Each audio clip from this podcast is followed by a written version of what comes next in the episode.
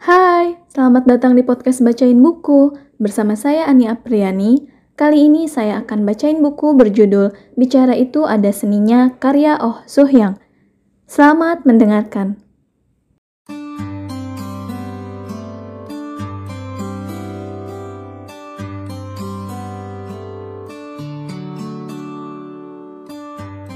Hafruta Metode pengajaran debat orang Yahudi Ajarkan saya teknik debat yang baik.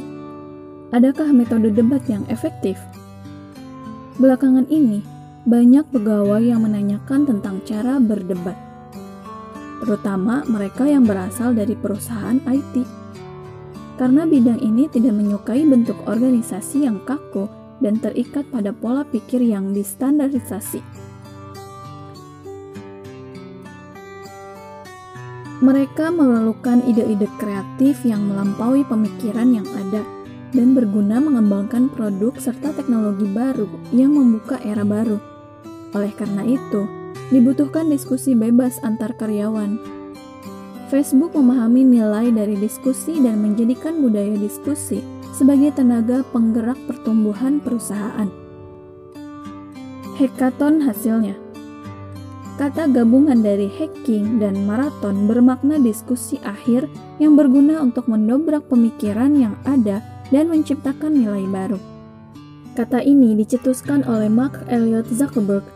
Melalui hackathon ini, Facebook mendapatkan ide-ide segar dari para developer teknologi yang berkumpul untuk menunjukkan kemampuannya sehingga perusahaan tersebut dapat berkembang sebagai penyedia layanan sosial network yang mendunia. Bangsa Yahudi dapat memimpin dunia juga karena debat. Sebanyak 25% mahasiswa Ivy League Amerika dan 30% mahasiswa Universitas Harvard adalah orang Yahudi. Terlebih lagi, 22% peraih penghargaan Nobel pun merupakan orang Yahudi. Di sini terdapat kontribusi besar Hafruta, metode pengajaran debat ala orang Yahudi. Karena selama kita bertanya dan berpikir dalam diskusi, kegiatan otak meningkat sampai titik terbaiknya. Debat adalah kegiatan sekelompok orang untuk menyampaikan pendapatnya tentang sebuah topik atau masalah dan membuktikan kebenaran pemikirannya. Di dalam debat harus ada perbedaan pendapat di antara kedua kubu, dan masing-masing harus menyampaikan gagasannya disertai alasan-alasan yang objektif dan realistis untuk membujuk lawan. Demi kelancaran debat, perlu ditentukan terlebih dahulu moderator panelis yang setuju, panelis yang menentang, dan juri. Setelah itu, debat bisa dimulai. Dengan diarahkan moderator, masing-masing panelis bergantian menyampaikan data-data dan dasar argumen. Kemudian di akhir debat, juri akan memutuskan hasilnya. Biasanya debat identik dengan percekcokan, padahal sesuai namanya, Cekcok adalah perselisihan antara orang-orang yang memiliki pendapat yang saling berlawanan. Di dalam cekcok, siapa yang benar dan siapa yang salah tidak dapat dibedakan. Sedangkan debat bertujuan mengungkapkan pendapat mana yang benar di bawah aturan yang telah ditetapkan. Oleh karena itu, penting untuk menemukan denominator dalam debat dengan mendengarkan pendapat lawan dan memaparkan pendapat kita. Peserta debat harus memiliki sikap mau menyelami posisi lawan atau terbujuk. Perihal ini, Arthur Schopenhauer berkata dalam bukunya The Art of Always Being Right sebagai berikut. Jangan berdebat dengan siapa pun dan apa pun yang Anda temui.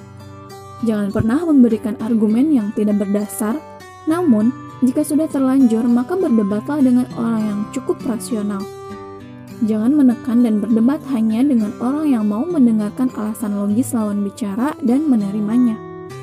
Orang yang adil dan tidak berpihak, serta bisa menerima dengan lapang dada alasan yang tepat, meskipun keluar dari mulut lawan bicara.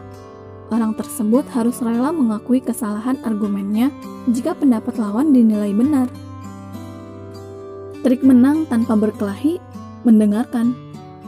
Saya paling suka permainan debat saat mendengarkan acara bedah buku atau kelas humaniora. Cara bermainnya adalah ditentukan tema A dan B, lalu dipilih tim untuk memaparkan pendapatnya. Jika Anda terpilih dan pendapat Anda berbeda dengan tim, maka Anda harus menjelaskannya. Kegiatan ini menjadi ajang latihan berpikir dari berbagai sudut pandang dan pada akhirnya mengasah teknik berdebat kita. Kita ambil contoh debat tentang perlu atau tidaknya membentuk divisi kesehatan. Secara pribadi, kita merasa tidak perlu, tetapi mungkin saja kita terpilih ke dalam tim yang merasa perlu. Jadi, kita harus menyiapkan alasan dari kedua argumen. Dengan demikian, ke dalam tim mana pun kita masuk, kita bisa menyangkal pendapat dari tim lainnya. Setelah mempersiapkan kedua argumen dengan matang, tim terpilih dan adu argumen pun dimulai. Berikutnya, kegiatan debat berjalan dengan saling tanya jawab dan diakhiri dengan kesimpulan pendapat dengan mempertimbangkan pendapat pihak lawan. Di sini, setelah tanya jawab terhadap pendapat lawan, harus terbentuk titik kesepakatan yang sesuai. Dalam proses ini, kita secara otomatis mendengarkan pendapat lawan. Karena kita harus mendengarkan pendapat lawan beserta alasan-alasannya untuk bisa menemukan kekeliruan dan menyangkalnya. Sehingga dapat disimpulkan bahwa teknik terpenting dalam berdebat ialah mendengarkan.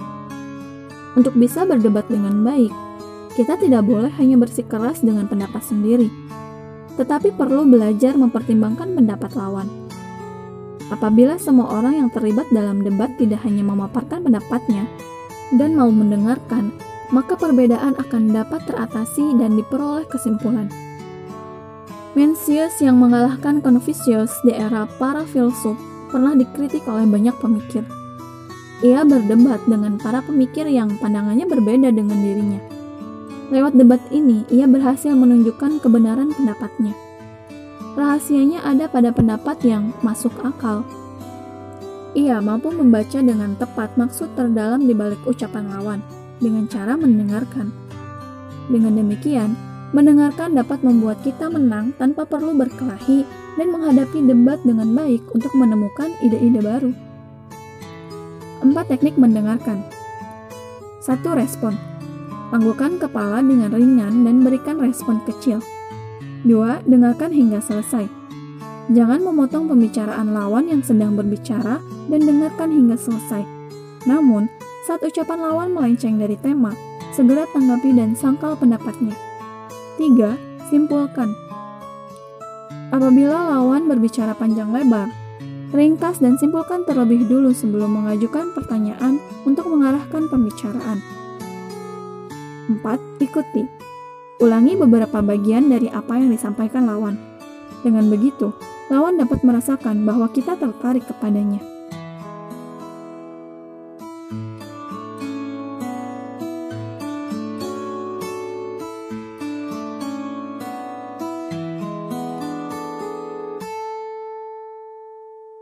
Demikian, buku bicara itu ada seninya karya Oh Suhyang.